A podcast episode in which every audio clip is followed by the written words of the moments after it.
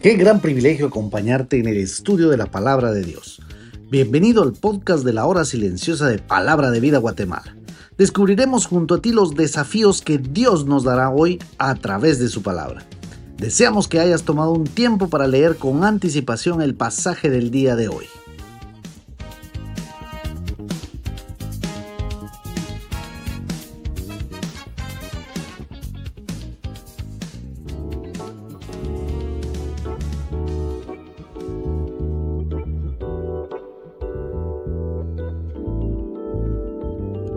Qué bendición compartir juntos el comentario de la hora silenciosa de Palabra de Vida Guatemala.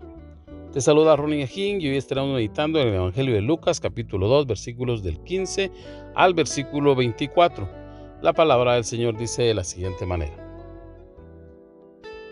Sucedió que cuando los ángeles se fueron de ellos al cielo, los pastores se dijeron unos a otros, pasemos pues hasta Belén y veamos esto que ha sucedido y que el Señor nos ha manifestado.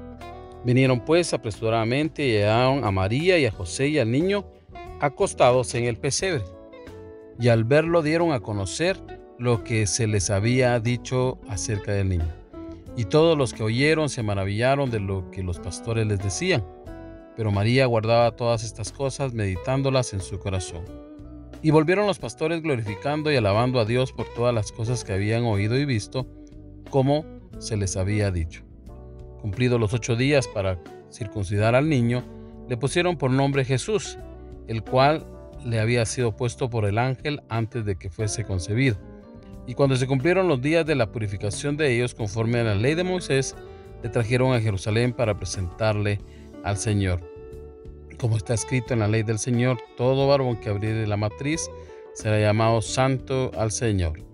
Y para ofrecer conforme a lo que se dice en la ley, del Señor, un par de tórtolas o dos palominos. En estos días hemos estado hablando de este hermoso evento que cambió la humanidad, el nacimiento de Jesucristo. El relato nos dice que cuando los ángeles se fueron, desaparecieron, los pastores se dijeron unos a otros y tomaron la decisión de ir hasta Belén y comprobar con sus propios ojos lo que había sucedido, lo que los ángeles anunciaron ellos se llenaron de emoción y partieron a buscar al niño anunciado. Dice el relato que lo hicieron con urgencia, apresuradamente. Estas palabras nos muestran cómo deberíamos de buscar al Señor, así como lo hicieron ellos. Seguramente dejaron sus rebaños recomendados o guardados, no importó cuánto tuvieran que dejar, buscaron al dador de la vida, al Salvador. La vida del hombre muchas veces se caracteriza porque ama sus bienes, y nos cuesta dejar lo que ya tenemos. Sin embargo, podemos decir que estos pastores vivían muy limitados y esto no les importó. Buscaron a Jesús. Otro detalle muy importante de este relato es que los pastores dan a conocer lo que se les había dicho del niño. Y los que los escucharon se maravillaron de lo que los pastores les decían. ¿No te parece que esa debería ser parte de nuestro diario vivir también? Como creyentes es nuestra responsabilidad de dar a conocer el mensaje de salvación a todos los que no le conocen. Debería ser un mensaje poderoso en donde la gente se quede maravillada de lo que es el mensaje de salvación y donde se predique de Cristo Jesús, nuestro Salvador. El apóstol Pablo lo dice de esta manera en 1 Corintios 9:16. Pues si anuncio el Evangelio, no tengo por qué gloriarme, porque me es impuesta necesidad. Y hay de mí si no anunciar el Evangelio, por lo cual si lo hago de buena voluntad, recompensa tendré, pero si de mala voluntad, la comisión me ha sido encomendada. Es interesante cuánta alegría provocó los pastores que regresan glorificando y alabando a Dios por lo que vieron y oyeron. Otro detalle muy importante en el relato es que José y María cumplieron todos los requisitos que en ese tiempo pedía la ley. Pusieron el nombre del niño, el cual era Jesús, que significa Salvador. Sí, ese pequeño niño que un día se convertiría en el hombre que daría su vida por ti y por mí en la cruz del Calvario, aquel que fue anunciado por los que guardaban las ovejas y corderos y que tuvieron la oportunidad de ver nada más y nada menos que al Cordero de Dios que quita el pecado del mundo.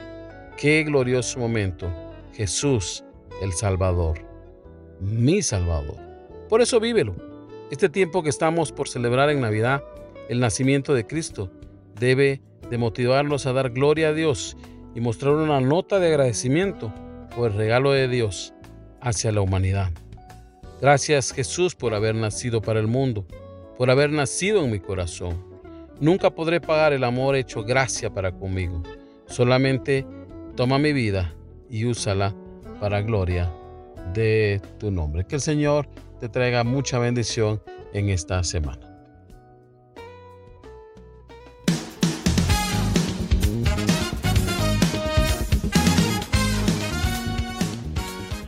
Es emocionante saber los tesoros que Dios tiene en su palabra para nosotros. Ayuda a tus amigos a que descubran la voluntad de Dios para su vida. Comparte este podcast con ellos. No olvides seguirnos en nuestras redes sociales.